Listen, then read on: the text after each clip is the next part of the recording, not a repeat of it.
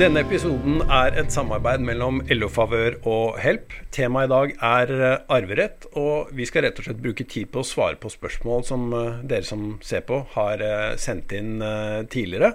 Og vi, det er Line Karlsen Ask og Dag Are Børresen, begge advokater i Help. Line, hei for øvrig. Hei.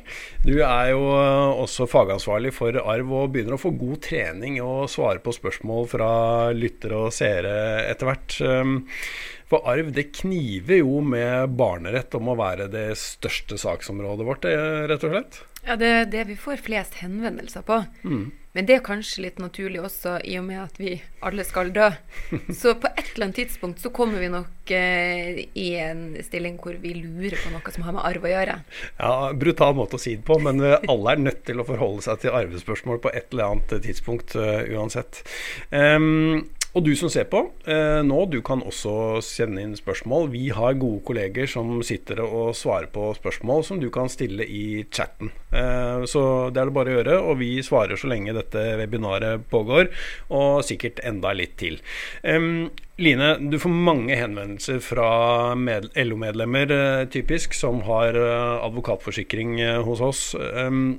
Hvilke arveregler er det som skaper mest problemer for folk, tror du? Jeg tror kanskje det som skaper det største problemet, er at man ikke vet hvilke regler som gjelder. Nei. Eh, allerede der eh, er det litt vanskelig, fordi man kan kjenne på at noe er urettferdig, og så vet man ikke hva loven sier. Mm. Så jeg tror det, uvitenhet rundt arvereglene nok er det som skaper aller størst problem. Mm. Og så har vi jo videre det med forskudd på arv, om det skal avkortes eller ikke ikke. Og det, det, lugger jo igjen i forhold til den rettferdighetssansen som ligger så dypt i oss nordmenn. Mm. Eh, vi kan jo bare si at dette, denne lille timen eh, vi skal holde på nå, det blir et slags streiftog gjennom eh, arveretten og arvereglene. Og hvis du som ser eller hører på dette ønsker å vite mer, så kan du nok Så fins det nok en episode for nesten alt vi snakker om i Help-podden. Det er podkasten til advokaten i Help, og den finner du der du ellers hører podkast, f.eks. i Spotify. Det er bare å søke opp Help-podden, så finner du mange episoder om arvereglene der. Eh, men eh, siden mange er i tvil om hvordan arvereglene virker, skal vi kanskje ta det helt grunnleggende først. Hvem er det som arver meg når jeg dør? Ja. Det første vi må spørre om da, det er hvilken sivil status har du? Er du gift? Er du samboer? Mm. Og så er det om du har barn. Mm. Eh, for utgangspunktet er jo at eh, vi har tre arveklasser og arveklasse én er jo dine barn, altså dine livsarvinger. Mm. Eh, og så er arveklasse to dine foreldre og dine søsken. Og så blir arveklasse tre da besteforeldre og onkler og tante. Um, og det som avgjør da, er jo hvilke slektninger er det du eh, har rundt deg, da. Mm. Eh, vi kan egentlig ta første spørsmål. Eh, det er altså livsarvingene. Er det noen som spør hvem er egentlig det? Barn. Men hvis dine barn er døde, så vil det jo bli deres barn igjen om de hadde barn. Nemlig. Dem, dem igjen døde, så det barnebarn. Så det går liksom biologisk nedover. Mm. Og så er det vel sånn at uh, du må um, uh, Altså Eh, hvis dine barn er døde og de har barnebarn, så arver barnebarna alt. Det er ikke sånn at da deles arven mellom barnebarna og neste arvegangsklasse igjen? Nei, det er helt riktig. Du må være tom i arveklasse 1 for at du skal gå videre til arveklasse 2. Så være tomt i arveklasse 2 for at arveklasse 3 skal arve noen ting. Ja, eh, Og hvem er da de siste som må arve meg? Det er fettere og kusine. Eh, og hvis, hvis, du ikke har det heller, altså du har ingen fjernere slektninger enn det, så stopper det der. Og da vil staten gå inn som arving eh, og fordele pengene til, eh, til barn og ungdom. Eh, altså formål da, som man kan søke på å få midler fra staten. Mm. Og så er det da sånn at uh, hvis man ønsker en annen arvefordeling enn det arveloven legger opp til, så må man skrive et testament. Ja, og det er liksom hovedpoenget. da. Du må finne ut hvilken løsning er det arveloven gir i ditt tilfelle. Og så må du tenke om er det den løsninga jeg vil ha, eller vil jeg ha en annen løsning? Og vil du ha en annen løsning, ønsker du å tilgodese ektefellen med mest mulig, ønsker du å tilgodese kanskje ett barn med mere, så må du ha et testament. Mm. Jeg må jo bare gripe fatt i arvereglene etter hvert som du uh, snakker, uh, Line. fordi at nå nevnte du ektefelle. Mm. Eh, og det er jo ikke sånn at du kan avspise ektefellen helt fordi at ektefellen har en lovfestet arverett, ikke sant? Det er riktig. Ektefellen har en lovfesta arverett, altså minimumsarv. Mm. Så ektefeller med barn har en minimumsarverett på 4G ca. 425 000 kroner. Mm. Ektefeller uten fellesbarn har minimumsarverett på 6G. Eh, og det du kan gjøre da, da kan du opprette et testament og begrense ektefellearven til minimumsarv. Eh, og har du ikke gjort det, så vil de jo arve den arvebrøken de skal ha. Mm. Eh, da tar vi et uh, spørsmål til, for det er en uh, som spør om testament kan overstyre pliktdelsarven. Ja, livsarvinga har jo en lovpålagt rett til arv. Mm. Eh, og utgangspunktet er at de skal arve to tredjedeler av det du etterlater deg. Men minimum 15G, som er pliktdelsarven. Og 15G er jo ca. 1,6 millioner. Mm. Og det betyr at hvis du har mye penger, så kan du gi 1,6 millioner til hvert barn, og så kan du gjøre hva du vil med resten.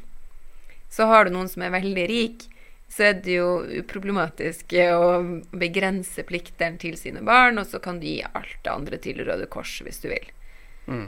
Mens for de fleste nordmenn så vil jeg si at eh, to, da kan de skrive to tredjedeler til barn, og så vil de kunne råde fritt over en tredjedel av det de etterlater seg. Mm. Her er det mye vi må snakke om, men vi kan ta eh, én ting først som jeg tror er en ganske stor misforståelse, og det er det som har med samboeres arverett og ektefellers arverett å gjøre. For det er nok en del som tror at samboer og ektefeller er likestilt når det gjelder arv, men sånn er det jo ikke. Nei, det er ikke det. Og jeg tror det er fordi at vi som samfunn ikke skiller så veldig mellom om du er samboer eller gift mm. generelt. Mm. Eh, Samboere med felles barn arver 4G, ca. 425 000 av hverandre. Mm. Og det er jo ganske lite. Og samboere uten felles barn arver jo ingenting av hverandre. Kroner null. Mm. Eh, og så har vi ektefeller uten barn da, som arver 6G, og ektefeller eh, Altså en halvpart, da. Mm. Men, eh, minst 6G. Minst 6G. Mm. Og ektefeller med barn arver en fjerdedel, men minst 4G. Så en, Det er jo stor forskjell på ektefeller med barn som har en fjerdedel, og samboere med barn som bare arver 425 000. Mm. Nå blir det mange tall her, men uh, det vi i hvert fall ønsker at du som ser på skal sitte igjen med, er at hvis du er samboer uten barn, så råder vi deg til både å ha en samboeravtale som uh, rett og slett regulerer det som eh, kommer til å skje med det dere eier og anskaffer dere mens dere er samboere og i live. Og så råder vi deg like sterkt til å skrive et testament, og da er det mange som velger et gjensidig testament, ikke sant? Ja. Kan du kort dra hva det er? Et ensidig testament er jo når du bestemmer over det du etterlater deg, mens gjensidig, da gir man hverandre en arverett. Sånn at um, man sier at du arver min frie en tredjedel, og så arver jeg din frie en tredjedel, f.eks. Mm. Så kan man også ha det som heter felles testament, hvor man i fellesskap bestemmer over noen ting. Mm. Mm. Ja, altså I et uh, enkelt gjensidig testament så uh, testamenterer man rett og slett mest mulig til hverandre ja. hvis den ene går bort. Um, og så er det en som lurer på om man kan forskjellsbehandle søsken i testamentet. Og kan det rettes etter at avdøde har gått bort? Oi, det var minst to spørsmål. Ja. Um, altså Det er jo det vi snakka om med den frie en tredjedel som du kan disponere fritt over. Og den ja. kan du jo velge å gi til favorittbarnet ditt. Per får eh, den frie tredjedelen, mens Pål får ingenting. Mer enn pliktdelen sin. Da. Ja, han får pliktdelen sin, det ja. gjør han. Men uh, den andre favorittbarnet vil få resten, ikke sant. Mm. Uh, og så, Hva det var det andre spørsmålet? Jo, om testamentet kan rettes etter at avdøde har gått bort. Ja, Testamentet kan jo ikke rettes, men det er klart at den arvingen som har fått mest, kan jo selv velge å gi bort i gave til uh, broren. Mm. Eh, men det er jo frivillig basert. Så har man et gyldig testament, så er det det som gjelder. Ja, og vi kan vel bare slå fast, eh, så urettferdig som det enn kan virke, at det er lov å forskjellsbehandle barna sine, rett og slett? Ja. Vi bruker jo å anbefale alle å snakke om det. At testator informerer om hva han har gjort. Mm. Det blir unødig mye konflikt av sånn uh, hemmelighold, og så dukker det plutselig opp et testament som kommer som en overraskelse på barn. Mm. Eh, og bare en liten, eh, en liten, digresjon i forbindelse med det. Vi gjennomførte jo en undersøkelse for noen år siden hvor vi spurte om eh, eh har det skjedd at det dukker opp søsken du ikke var klar over. Mm. og da var det nesten 10% som svarte at ja, det har det. Og ja. det var uh, oppsiktsvekkende mange. Så det, er, det skjer uh, overraskelser også i arveretten titt og ofte i Norge. Overraskende ofte? Og jeg lurer på om det kan ha noe med at uh, det ikke var like akseptert å ha barn utenfor ekteskapet før i tida. Så mm. det blir jo spennende å se om det skjer like hyppig om 50 år fra nå. Du, eh, vi, eh, som sagt så blir dette litt sånn eh, arvereglene etter innfallsmetoden. Men eh, siden vi snakket om samboere og samboeres arverett, og det du skal sitte igjen med da, er at samboere uten barn, de arver ikke hverandre. Eh, bare, det, det, kan nesten ikke gjentas for ofte. Men så er det noen som lurer på hvordan informeres slektninger i utlandet hvis den ene samboeren dør? Er det noe automatikk i det, egentlig? Ja, da ser vi for oss at uh, det er to nordmenn ja. som bor i Norge. Og så har den ene samboeren familie. Da vil kun familie i utlandet som er arveberettiga, varsles av tingretten. Ja. Det er ikke sånn at tingretten varsler arvinger som ikke er arveberettiga. Men er du arveberettiga slektning til en samboer som dør i Norge, så vil du jo få informasjon. Mm. Men er den som dør i Norge, utenlandsk statsborger? ikke sant? Det går jo via mm. ambassaden, da, så vil du få informasjon. Men det betinger at du er arveberettiga. Nemlig. Du har rett til å, rett til å få arv etter den som er død. Mm. Ja. Um, og så er det en som lurer på om kan jeg bestemme at arven etter meg skal være mottakerens særeie? Ja, det kan du. Mm. Mm. Men da må vi jo forklare hva særeie er. Ja.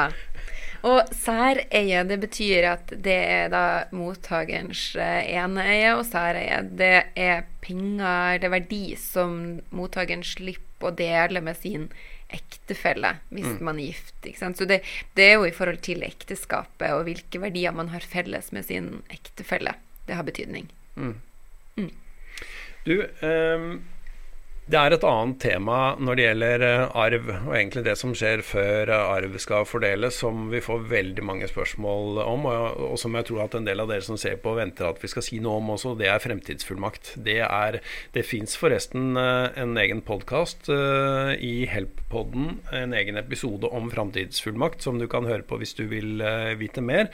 Men vi kan jo kort si det, fordi at det kommer mange spørsmål om det. Hva er en fremtidsfullmakt, Line? Ja, Framtidsfullmakt er jo et alternativ til vergemål via statsforvalteren. Mm. Og det kom inn i loven i 2014 eh, og er blitt mer og mer kjent. Så det er din mulighet til å bestemme hvem som skal representere deg, og hva den liksom, fullmektigen skal kunne gjøre dersom du sjøl kommer i en tilstand som gjør at du ikke lenger kan ivareta egne interesser. Så du er nødt til å være mm, ute av stand til å ivareta egne interesser for at en framtidsfullmakt skal tre i kraft. For det er det jo en del som spør om ja, men hvis jeg lager en framtidsfullmakt eh, og gir sønnen min fullmakt, så begynner han plutselig å operere uten min viten og uten at jeg er mm. kommet i en sånn tilstand. Og det, det går ikke. For framtidsfullmakten er gyldig sammen med legeerklæring på at fullmaktsgiver er helt ute av stand til å ivareta egne interesser. Mm.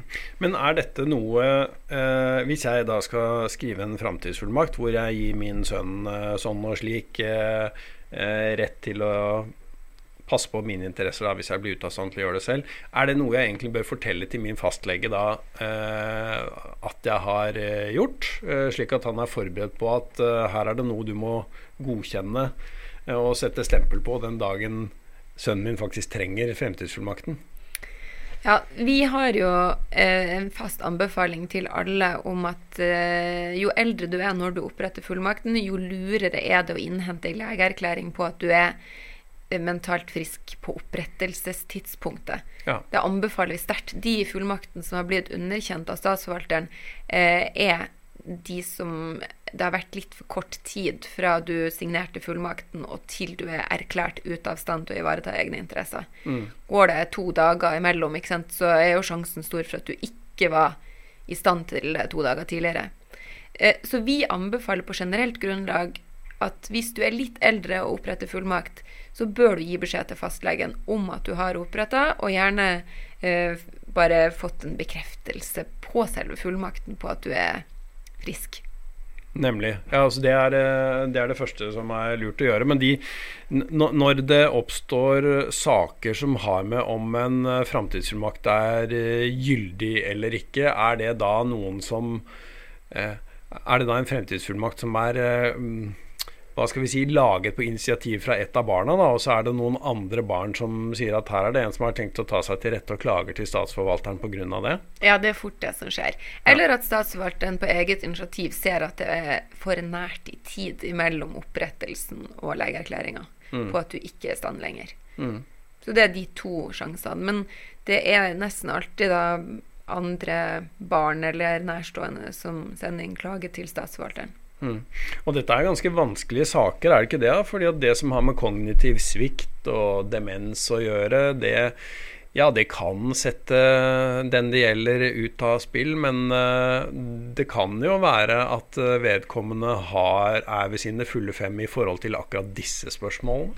Ja, det er sant. Så, da vil jeg si at er det litt uklart, har du fått påvist en eh, demensdiagnose, så vil jeg anbefale at man tar fullmakten med til fastlegen sin og forklarer. Mm. Dette er en fullmakt, nå har jeg oppretta den, og det betyr at Og så forklarer du fastlegen hva du har gjort.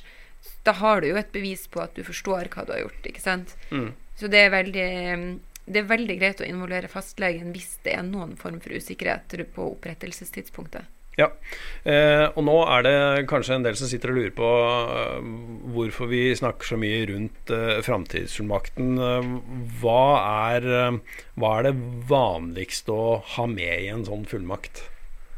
Ja, det er jo mange som ønsker å ta kontroll over livet sitt på det tidspunktet de ikke lenger kan ha kontroll av eh, fysiologiske årsaker.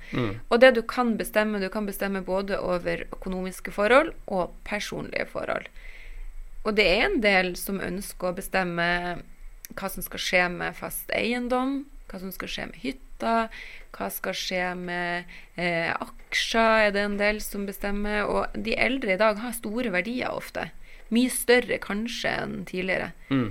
Eh, og så er det jo mange som vil bestemme over personlige forhold. Hvem skal følge deg til fastlege? Skal du ha wienerbrød hver søndag? Det er mange ting man kan bestemme i en fullmakt. Så jeg tror vi lever i et samfunn hvor vi i stor grad ønsker å ha kontroll selv. Og framtidsfullmakt er jo en mulighet til å ta kontrollen mens du enda er frisk. Ja, så framtidsfullmakten den kan både regulere at uh, min sønn Pål skal sørge for at uh, være min fullmektig, da, som det heter, og sørge for at regningene mine blir betalt. Han skal også sørge for at jeg får fotpleie uh, en gang i måneden hvis jeg er interessert i det. Eh, at jeg har nok penger til portvin på eh, sykehjemmet. Eh, den type ting. Men er, ikke, er det ikke også veldig vanlig å skrive i fremtidsfullmakten at eh, huset mitt Når jeg kommer på sykehjem, så trenger jeg jo ikke det mer, så da kan barna mine Fullmektigen min, da, Pål, han kan få lov å selge huset, og så kan de dele pengene seg imellom. Ja, og det er forskudd på arv. Skal du gi forskudd på arv, så er det veldig lurt å regulere det i en framtidsfullmakt. Ja. Fordi det er ikke så lett å få gjennom hos statsforvalteren at du skal betale ut forskudd på arv hvis det er ordinært vergemål. Da må man i hvert fall kunne vise til at man ser at den som eh, ikke er i stand lenger, mente det og ønska det. Mm. Så skal du gi forskudd på arv, så er det veldig god idé å regulere det i en framtidsfullmakt. Og da er mitt råd vær så spesifikk som mulig, og gjør det på en måte som oppleves rettferdig for arvingene hvis det går. Mm. Alternativet, Line, skal vi kort si det? da, Du var, har vært inne på det. Verge og vergemål. Det er da en vilt fremmed eh, som eh, tidligere fylkesmannen og statsforvalteren oppnevner for deg, da. Ja, Det trenger ikke å være en vilt fremmed, for oftest så blir det jo ektefelle, samboer eller barn. Men det kan også være en profesjonell verge. Det vil si gjerne en advokat eller andre som er tilknytta statsforvalteren som er offentlige verger. Og da går det jo et lite pengesalær ofte til å betale for den vergen, ikke sant. Men i utgangspunktet så er det ofte nær familie som blir oppnevnt som verge. Ja. Eh, og så høres det ut som det blir litt mer byråkrati eh, hvis det er en eh, verge inne i bildet. Kan være, for da må du jo søke statsforvalteren om å få bruke større beløp. Ja. Eh, du, i den, forbi Unnskyld, i den forbindelse har vi fått inn et, eh, et spørsmål eh, som går på akkurat dette. Det er en som skriver at eh, moren er på sykehjem, og hun skal selge leiligheten sin. Eh, hun har vært skilt i 40 år, og far er død. Så hun lurer på da om moren da kan fritt fordele penger på datter og barnebarn. Og det står hun jo fritt til å gjøre. Så lenge mor er mentalt frisk og kan ivareta egne interesser, så gjør jo mor akkurat som hun vil i levende livet. Mm. Det er mange som tror at du er forplikta til å behandle likt mens du lever, men det trenger du ikke. Du kan gjøre som du vil. Så hvis mor er frisk, så gjør hun akkurat som hun vil. Mm. Hvis det er sånn at mor um, ikke lenger kan ivareta egne interesser, da må man søke statsforvalteren for å kunne betale ut forskudd på arv. Nemlig, og det er her eh, fremtidsfullmakten kommer inn i bildet, da. Eh, for da hadde man sluppet å, å lure på dette. Men så er det en del to um, i dette spørsmålet. Fordi at uh, denne moren som altså er på pleiehjem, hun, hun ønsker å knytte noen betingelser uh, til den gaven hun har uh, lyst til å gi til et av barnebarna. Hun vil at hun vil passe på at de går til én ting, at de ikke mm, skusles bort. da, rett og slett. Har man anledning til å si at OK, du skal få din del av pengene for salget av eh, boligen min, men eh, da skal det gå til det, og bare det. F.eks. kan jeg gjøre det? Ja, det kan du. Til barnebarn altså Nå lever jo dattera, og, og det er dattera som skal ha pliktdelsarv og sånn. Og det her blir jo en fri gave til et barnebarn. Og du kan helt klart legge føringer på en gave som gis. Eh, og da er det jo det er mulig å begrense det i forhold til sånn, det vi kaller for beslagsforbud etter dekningsloven, og si at kreditorer ikke kan ta beslag i det.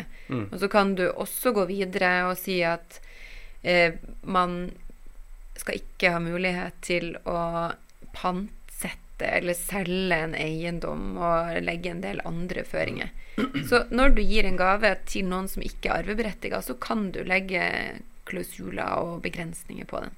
Eh, Hvordan gjør jeg det i praksis, egentlig?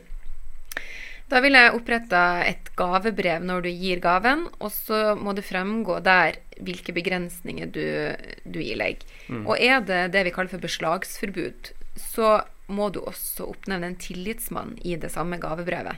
Og så bestemme hvem som eventuelt skal kunne gi mulighet til å bruke pengene, eller oppheve. Em, og da vil det en tillitsmann være en advokat, eller banken, eller statsforvalteren. Ja, Så er det, er det da de samme liksom, formelle kravene til gavebrevet som det er til testamentet, da, eller?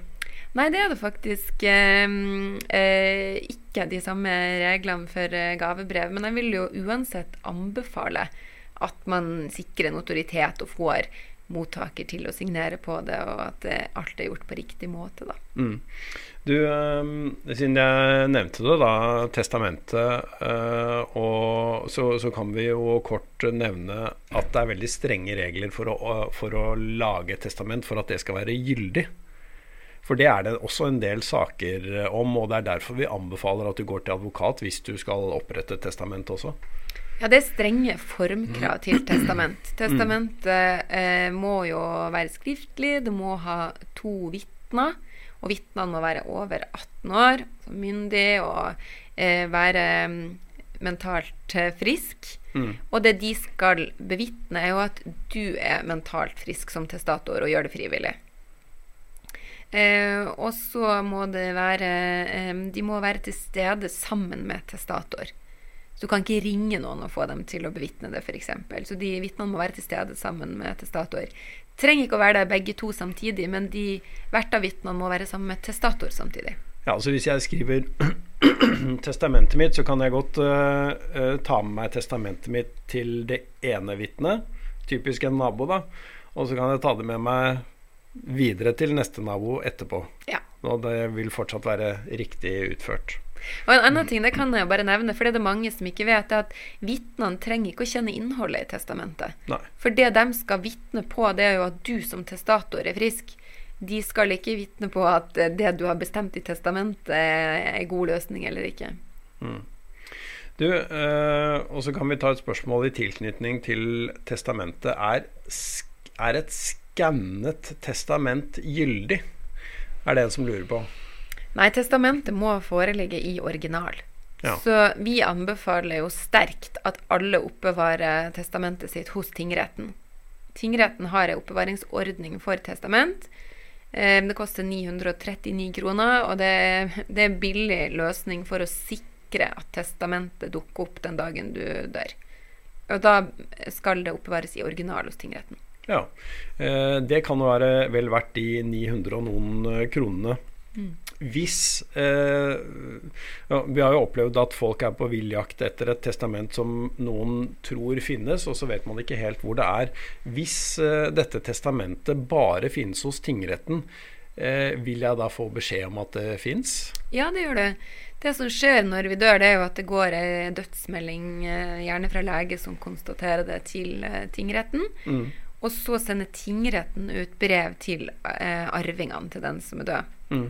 Og da vedlegger de gjerne testamentet i brevet som de sender ut. Mm. Du, eh, her har vi fått inn et eh, godt spørsmål, syns jeg. Og det går på det vi akkurat snakket om, om fremtidsfullmakt og testament, faktisk. Fordi det er en som spør om eh, man i en fremtidsfullmakt kan be om at testamentet som vedkommende har skrevet, da, realiseres hvis han havner på sykehjem. Eh, og i dette tilfellet så skriver han at han har ikke barn, og han vil at niesene arver han. Så han vil da, hvis jeg forstår spørsmålet rett, da, så ønsker han at uh, arv skal fordeles når han havner på sykehjem. Ja. Han vil betale ut forskudd på arv dersom han eh, kommer i en tilstand vil ikke som vente. gjør at Ja, ikke sant. Mm, da er det mulig å bestemme i framtidsfullmakten at de skal kunne hente ut testamentet fra tingretten, ja. og så fordele i henhold til det. Det er også noen som da legger ved en kopi av testamentet ved framtidsfullmakten som et vedlegg, sånn at du skal vite hva som står der.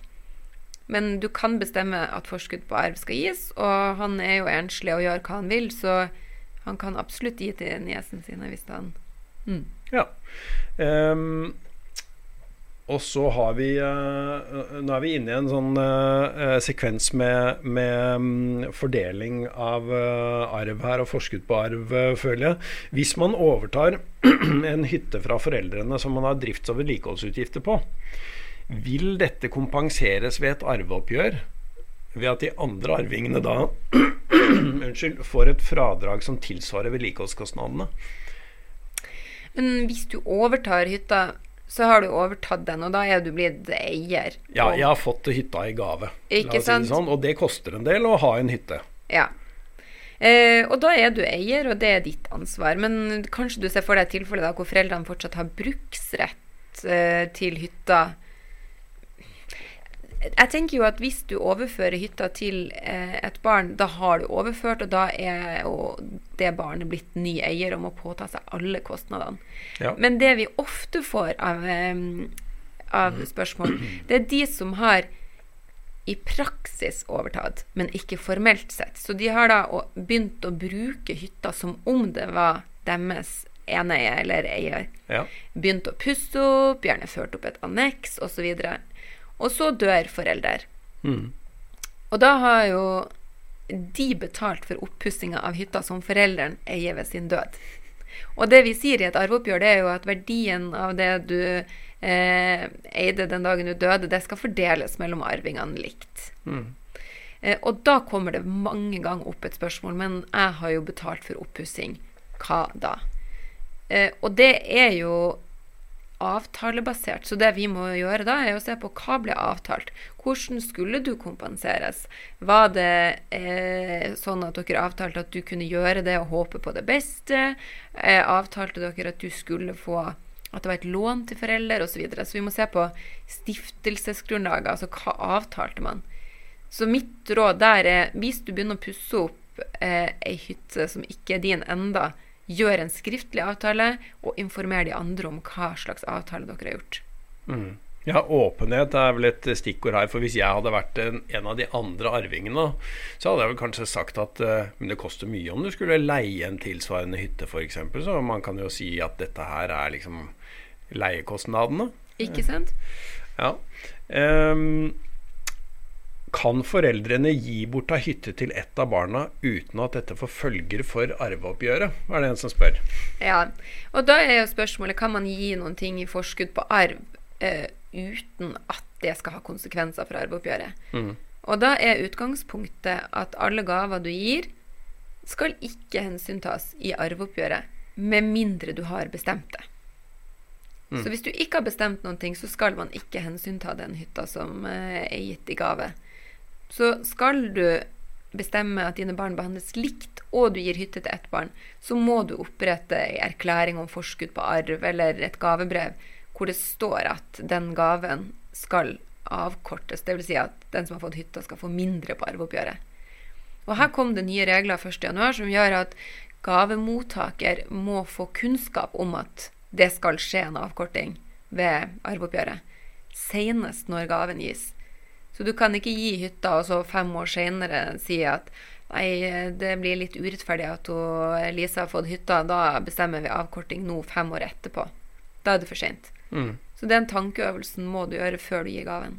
Ja, men uh, dette har vi fått mange spørsmål om. fordi det er jo en del som lurer på om uh, kan foreldrene mine egentlig bare skusle bort arven, eller gi alt uh, bort? for jeg har jo en pliktdel, har jeg ikke det? Er det en del som lurer på. Ja, og det er et veldig vanlig spørsmål.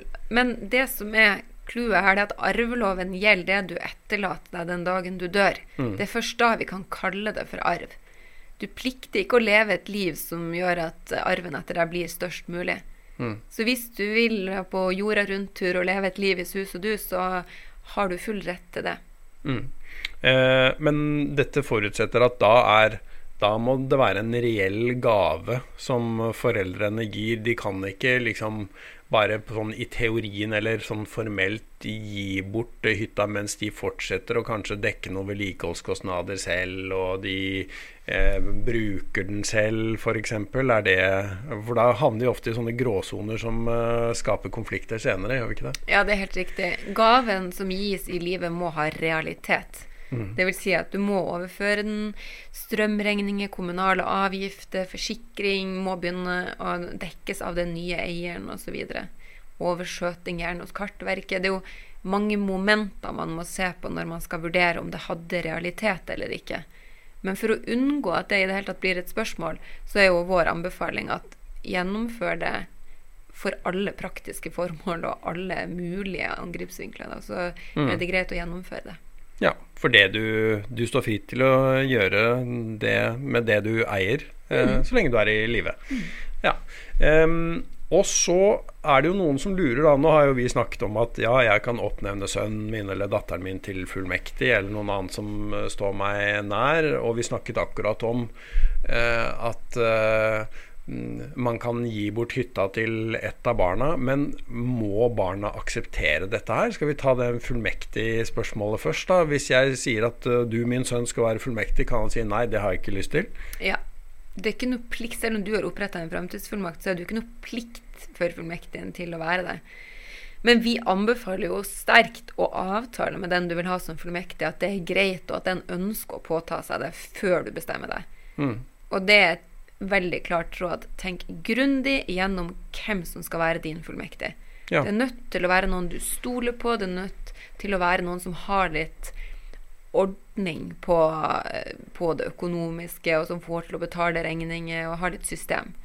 Og veldig mange ønsker jo å bestemme at ett barn er fullmektig, men at det barnet må fremlegge regnskap hvert år eh, over disposisjoner som er gjort. Skattemelding, kanskje noe fakturaunderlag. De bestemmer det for å sikre at ikke det ikke blir misnøye i barneflokken. Ja, fordi at det er en del som ønsker at eh, ja, jeg vil at alle mine fire barn skal være fullmektiger, og så får de finne ut av selv hvem som gjør hva. Og det, det praktiske får de ta seg av. Du, du, anbefaler ikke akkurat det, høres ut som, eh, men heller at én er fullmektig, og så får han heller, eller hun, være åpen med de andre om hva hun eller han holder på med. Ja, jeg syns jo det vil være mer fordelaktig enn at alle fire skal troppe opp i banken samtidig, og alle fire skal signere på alt. Men man kan bestemme at det skal være flere samtidig. Men det er nok mest praktisk at det er bare én. Mm. Og så var det det andre spørsmålet. Hvis eh, mine foreldre ønsker å gi meg en hytte, og så tenker jeg at ja, det er dyrt å eie en hytte, kan jeg da si nei? Jeg har ikke lyst på den gaven? Absolutt. Det er jo en eh, det, det bestemmer du jo selv. Ja. Eh, kort og godt. Um, jo eh, Og da Nå har vi jo sagt at det er full frihet eh, til å gjøre hva man vil når man er i live. Men så har vi et annet komplisert eh, begrep som heter uskifte. Jeg lurer på om vi eh, kort skal forklare hva å sitte i uskifte er, er, før vi går inn på hva det innebærer. Ja. Når noen dør, så får du valget mellom å skifte boet, dvs. Si betale ut arv til arvingene, mm. eller sitte i uskifte, dvs. Si å ikke betale ut arv til arvingene, men å forvalte det på vegne av dem. Mm. Og de som har rett til å sitte i uskifte, det er jo ektefeller og samboere med felles barn, eller som har hatt eller vente fellesbarn. De har jo også rett til uskifte. Så det er ikke alle som har rett til det. Mm, og da eh, har man også bare rett til å sitte i uskifte med fellesbarn. Så ja. særkullsbarn har man ikke rett til å sitte i uskifte med. Det man få, kan man få en aksept til, men du har ikke rett til det. Ja, og vi får jo en del henvendelser fra øh, øh, folk som øh, ønsker at uh, særkullsbarna skal akseptere at uh, samboer eller ektefelle får sitte i uskifte. Er det noe du anbefaler sånn generelt? Vi kommer jo fort inn i bildet bare der det oppstår konflikt. Mm. Um, og jeg vil si at man bør tenke seg litt sånn grundig om hvorvidt det er den beste løsninga. Og kanskje kan det være mulig å få et samtykke bare for en konkret ting, som å sitte i felles bolig, eller at man deler ut mye, men sitter i uskifte kanskje med noen ting. Men her vil jeg si at alt kommer an på hvilken eh, altså situasjon du er i, hvor god kontakt du har med særkullsbarna. Noen har jo vokst opp sammen med særkullsbarnet og behandler dem som sine egne, mens noen har null kontakt og har heller aldri hatt det. Så det må vurderes. Og så er det én ting som er veldig viktig å få med, og det er at urskifte kan virke veldig enkelt fordi det er én signatur på et skjema, og så sender du det inn til tingretten. Men det er ikke alltid at urskifte er den gunstigste løsninga, verken økonomisk eller i forhold til eh, veien videre. Er du ung med høy gjeldsbelastning og mister ektefellen din, så er det sjeldent lurt å sitte i urskifte. Å oh ja, hvorfor det? Det er fordi at et, når du har valgt å sitte i urskifte, så vil alt du eier, gå inn i urskifteboet. Og den dagen du skal skifte, så skal jo det deles. Også det du har tjent inn, og de pengene du har fått etter at du valgte uskifta bo. Og for de aller fleste så vil de ha høy gjeldsbelastning mens de er unge, og så vil gjeldsbelastninga gå ned med alder. Mm. Så det blir dyrere å skifte etter hvert. I tillegg så er det jo sånn at unge mennesker Da finnes det jo kanskje en mulighet for at de vil få en ny partner. Og du har ikke lov til å sitte i uskifte hvis du skal gifte deg på nytt. Da må du skifte. Og du må også skifte hvis du har samboer i to, samboer i to år eller mer, og arvingene krever det. Mm. Her er det høres det ut som god grunn til å ta en prat med en advokat som kan arve reglene godt, uh, når det gjelder spørsmål om uskifte og uskifte med særeie, om det lønner seg å sitte i uskifte eller ikke. Det er absolutt, og her er reglene litt vanskelig, ikke sant? fordi mm. man må vurdere hvert tilfelle konkret. Mm. Har en ektefelle det vi kaller for et stort skjevdelingskrav, altså verdier som ikke skal deles, Mm. så er det jo veldig dumt å velge urskifte. For da går jo skjevdelingskravet ditt inn i urskifteboet og skal deles likt. Så eh, vårt tips er ikke signer på urskifte før du har fått klarhet i hva det innebærer, og om det er den gunstigste løsninga for deg. Mm. Ja, og øh, det du var inne på nå, det er vanskelige saker. Men vi har et spørsmål som går akkurat på det. Eh, mor sitter i urskifte. Hun arvet en hytte etter sin far. Eh, da antar vi at det er noe som har skjedd før. Hun har arvet en hytte. Eh, vil denne kunne være særeie selv om hun sitter i uskifte? Ja. Hvis hun arver hytta som særeie, Ja. altså hvis faren hennes hadde gitt henne den i gave med særeieklausul, eller skrevet i testamentet at arvet meg skal være min datters særeie, da er den hytta særeie og skal ikke inngå i jordskifteboet. Så da er hytta trygg? på et Da er hytta trygg, hvis det var bestemt. Men hvis det ikke var bestemt at den hytta var særeie, eh, og det er det vi kaller for et skjevdelingskrav, altså verdier du har fått i gave eller arv, så er det et skjevdelingskrav og ikke et særeie. Og da er det gått inn i jordskifteboet den dagen du bestemte deg for å sitte i jordskifte. Nemlig. Så, og det er også en grunn som gjør eh, at man bør tenke seg litt om før man velger å sitte i uskifte eh, eller ei. Ja, det, det er mange som blander særeie og skjevdelingsreglene. Mm. Og det skjønner jeg, men særeie det får du altså hvis giver har satt eh, som vilkår at det skal være særeie, eller at du har lagd en ektepakt med din ektefelle hvor det står at noe er ditt særeie. Mm. Eller det står i testamentet. Du, eh, en ting som vi kanskje også bør si, eh, siden vi var inne på dette her med om man skal godta at eh, mor eller fars nye partner eh, får sitte i uskifte, hvis man da er eh, særkullsbarn. Eh, det går an å si at hvis jeg samtykker til at hun eller han får sitte i uskifte, så kan jeg knytte noen betingelser til det samtykket, f.eks. For, for dette har vel ofte å gjøre med at eh, vedkommende eh, skal få lov til å bli sittende i familieboligen. Få, få lov å beholde huset og bo i huset. Det kan være praktisk, tenker eh, mange. Eh, og da kan vel jeg si at eh, det er greit. Du får lov å sitte i uskifte, eh, men du får ikke lov å ta opp lån med sikkerhet i boligen, f.eks. Ja, absolutt. Og du får ikke lov å selge. Og du får ikke lov til å leie ut, får ikke Nei. lov til å ha ny samboer. Uh, ja, du kan sette de vilkårene du vil, fordi du er jo ikke som særkullsbarn forplikta til å samtykke til urskifte. Og det betyr også at du kan sette de vilkårene du vil for å gi ditt samtykke. Mm. Noe av frykten uh, til uh, disse særkullsbarna, og det kan jo være med rette, det er jo at uh, den som sitter i uskifte, skal skusle bort hele arven. Um, hvordan er det for den som sitter i uskifte? Er det like stor frihet til å gjøre hva man vil med det man sitter i uskifte med, som om man var eh, en annen type eier, da? Nei, det er det ikke. Når du sitter i uskifta bo, så forvalter du en arv på vegne av noen arvinger, ikke sant. Og da har loven litt eh, mye strengere regler for hva du kan gjøre, og hva du ikke kan gjøre. Du har mulighet til å selge så lenge du selger til markedspris. Ja. Men du kan ikke selge til underpris, altså gavepris, eller gi bort. For da forringer du arven for de du forvalter den for. Eh, og du har heller ikke lov til å forfordele én arving på bekostning av de andre arvingene. Så eh, det jeg ville anbefale, det er at man eh, tenker egentlig litt sånn logisk. Ok, den som sitter i urskifte, forvalter arven på vegne av alle. Er det en disposisjon som gjøres nå i strid med den uh, forvaltninga som man skal gjøre? Men man har jo rett til å bruke penger, man kan reise på ferieturer og leve et helt normalt liv.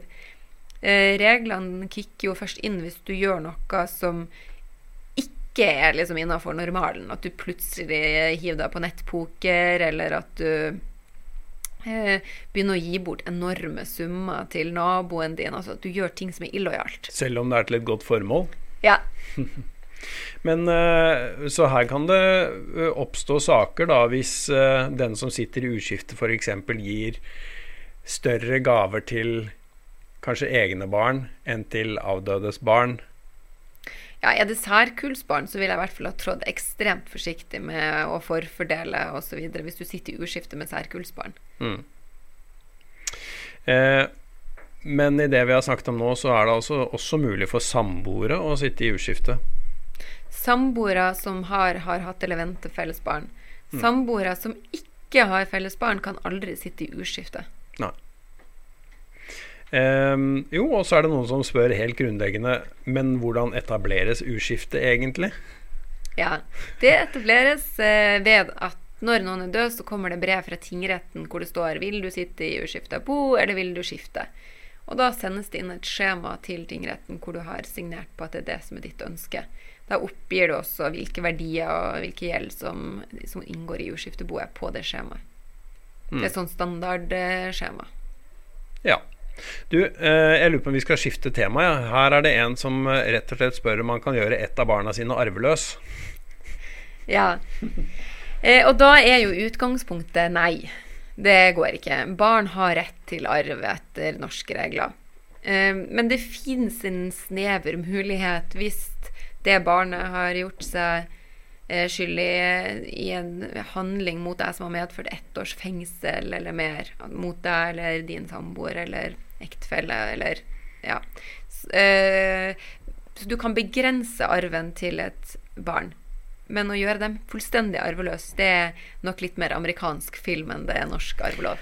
Ja, men i praksis så kan vi vel si da at det er jo fullt mulig å fordele alt man eier mens man er i live, egentlig. Så i praksis så blir jo ikke forskjellen så veldig stor, da. Nei, det er sant. Men uh, i, det er også sånn at det er jo vanskelig å forutsi når man skal dø. Mm. Uh, og hvis du vet at du skal dø, da er det for seint å begynne å fordele ut alt du eier og har. Da er det det vi kaller for dødsdisposisjoner. ikke sant? Og da kommer jo regler som sier at da må du gjøre det i testamentsform. Og, så hvis du vet at du skal dø, så er det for seint å begynne å gi fra deg alt du eier og har. Mm. Så i praksis så er det jo sånn at de fleste vil jo beholde sine egne ting mm. frem til de dør, fordi man kan jo leve i mange, mange år etter at man tror. vi har jo de mannfolkene som tror de skal dø når de blir forkjøla. så det er, ikke, det er, ikke, noen garanti for når uh, du skal dø. Ja, Heldigvis slår ikke alltid de spådommene stikk, da. Um, jo, uh, og så har vi Det er stadig flere som stiller spørsmålet som, som, har litt sånn utenlandsproblematikk i spørsmålene sine. Hvis man har hus i Norge og leilighet i utlandet, gjelder testamentet i utlandet? Er det en som spør? Ja. Eh, og det er jo altså internasjonale reglene er litt vanskelig, og det begynte å bli mer og mer vanlig fordi bor, vi bor litt på kryss og tvers av landegrensen. Mm.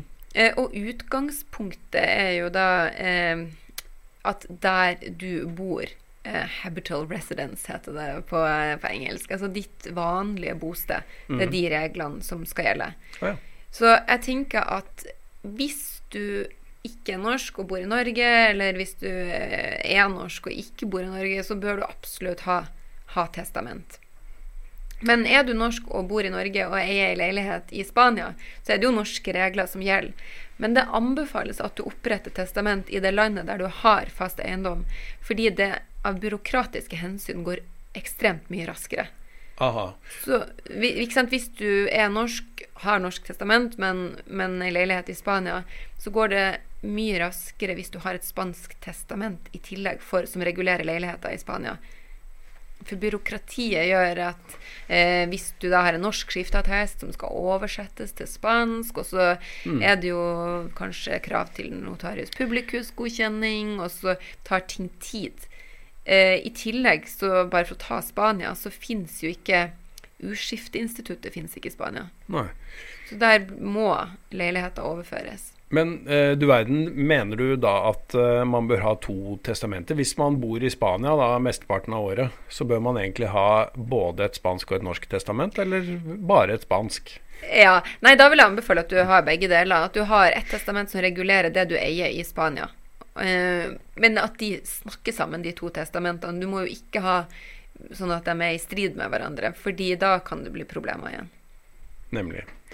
Du, eh, vi får altså mange Vi får nok spørsmål til at vi kunne sittet her i mange timer og svart på arvespørsmål. Eh, vi nærmer oss en avslutning her nå, men eh, her er det en som spør kan jeg testamentere alt til noen utenfor slekta, eller er det pliktdelsarv til søsken? Da forstår jeg det slik at vedkommende har ikke egne barn, da.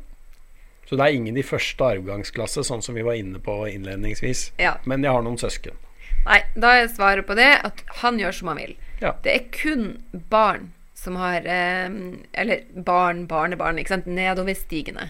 Har du avkom, hvis du skal tørre å bruke det ordet, så er det de som har krav på arv. Så det pliktdelen går til dine etterkommere. Det går ikke til eh, søsken eller foreldre, eller da gjør du som du vil i testament. Ja. Eh, og så er det noen som tydeligvis har arvet en hytte sammen. De er flere søsken har eh, arvet en hytte sammen. Hvordan dele en hytte med søsken, er det en som spør. Ja, og det der får vi ekstremt mange henvendelser på, fordi vi nordmenn vi har jo som regel eh, tilgang til ei hytte, eller eier ei hytte. Eh, som utgangspunkt så anbefaler jeg være så få sameiere som mulig. La gjerne noen bruke hytta, men vær få sameiere. Da er det lettere å bli enig. Men er man først kommet i en situasjon hvor man er flere sameiere, så anbefaler jeg veldig å ha noen kjøreregler sameieregler, noen vedtekter. Hvordan deles kostnadene? Hvordan skal vi gjøre det med vinterstenging? Eh, dugnadsarbeid? Hvem skal delta? Det er veldig mye konflikter som går på at én familie møter opp og gjør alt vedlikehold, den andre gjør det ikke. Kanskje har én sameier dårlig økonomi, har ikke råd til å betale for felleskostnader, og så blir det et problem. Hadde jo en uh, morsom sak hvor uh, den ene sameieren kom på hytta og oppdaga at kjøkkenet var blitt rødt. Så der er det tatt sjefsavgjørelse fra en annen sameier.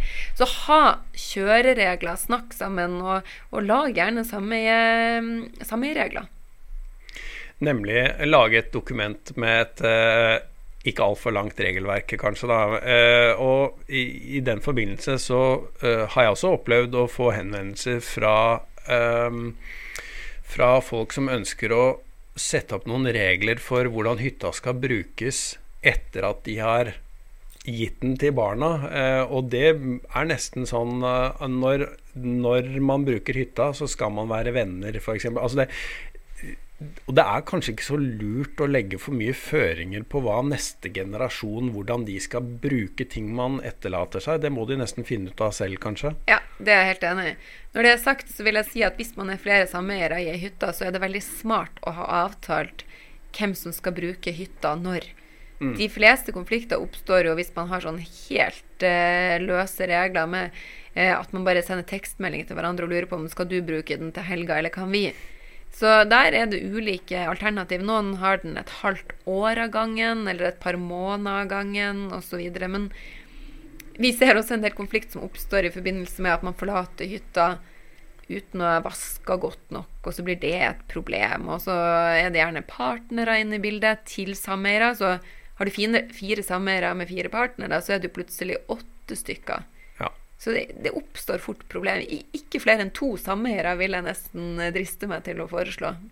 Ja, er det mange barn og barnebarn, så kan det bli både 20 og 30 sameiere i en hytte etter hvert. Og det, det er vanskelig å administrere, iallfall. Det er vanskelig. Du, jeg lurer på om vi skal um, unne oss to spørsmål til ja, før vi runder av i dag. eh, Og de er ganske um, praktiske. Eh, I hvert fall det første, for det går konkret på arveoppgjøret. Min far har giftet seg på nytt og fått to barn med henne. Hvordan stiller jeg i et arveoppgjør om min far går bort? Det er liksom arveoppgjøret i praksis, dette her. Ja. Da er det barnet som spør, særkullsbarn, dvs. Si et barn som far hadde før de to nye. Og det barnet stiller helt likt med sine to søsken. Så da skal de tre dele arven som går til barn, likt mellom seg. Eh, og så det siste spørsmålet, eh, som eh, en del er bekymret over. Kan man arve gjeld? Ja, og det er et veldig godt spørsmål som vi ofte får. Og det som er viktig da, det er at arv er netto når gjeld er trukket fra. Så arver du et, Altså hvis dødsboet består av et hus til to millioner og gjeld på én million, så er jo arven bare én million kroner. For det er netto når du har trukket fra gjeld. Sånn at når du skal vurdere om du overtar til privatskifte, eller om det er offentlig skifte eller urskifte, så må du få kontroll over avdødes eh, verdier og avdødes gjeld. og ser du at boet er i fryktelig minus, det her var en person som hadde vanskjøtta økonomien sin, ja, så er det kanskje ikke så lurt å overta til privatskifte i det hele tatt. Så det er veldig viktig at hvis du skal overta til privatskifte, så må du ha kontroll på hva avdøde eide. Hvordan finner jeg ut av det? Ja, det, Den mest praktiske måten er jo å be tingretten om å utstede et proklama. Da må alle kreditorer melde inn kravene sine innen seks ukers tidsfrist. Er det sånn at du bare ikke vet helt, men du tror at den personen hadde ganske ordna økonomi, mm. så kan du få tingretten til å utstede en formuesfullmakt. Og den formuesfullmakten gir deg som arving rett til å innhente skattemelding, bankutskrift osv. Så, mm. så du vil jo da ikke vite om kreditorer som ikke framgår av skattemeldinga, eller en ny det siste året som det ikke foreligger skattemelding fra. da. Mm. Men du vil få en ganske god indikasjon på om boet er i pluss eller ikke. Ja, jeg, jeg, antar at den som stiller spørsmålet, er redd for om uh, gjelda uh, overstiger verdiene da, etter den som uh, er gått bort. Men det er altså ikke noen risiko for at jeg overtar en gjeld som jeg må betjene. Når du overtar til privatskifte, så påtar du deg avdødes gjeldsansvar. Så det jeg eh, vil si da, det er at hvis du du må vite hva er det du sier ja til når du overtar til privatskifte. Ja, altså jeg må rett og slett si følge med? Ja, du må følge med. Du kan si nei, og da påtar du deg ikke gjeldsansvaret. Men du, hvis du sier ja, så påtar du deg jo som utgangspunkt avdødes forpliktelser. Og så finnes det noen alternative løsninger. Den, vi har noe som heter bo av liten verdi. Mm. Dvs. Si dødsbo som har bruttoverdier og den er viktig, bruttoverdier for mindre enn 100 000. Da kan man jo få en sånn fullmakt. Da overtar du ikke til privat skifte, men du får fullmakt til å gjennomføre begravelsen og betale for den, og, og altså litt sånn mindre ting. Men hva skjer da, sett at uh, min frykt er ubegrunnet? Da jeg sier at nei, jeg vil ikke overta dette boet til privat skifte, jeg, for jeg frykter at der er det mer gjeld enn verdier. Uh, men så viser det at det er ikke sant. Da går jeg glipp av arv, da, eller? Nei, da spørs det jo hva som skjer med boet. Fordi hvis uh, du bare sier nei, så er det jo det vi kaller for et flytende bo.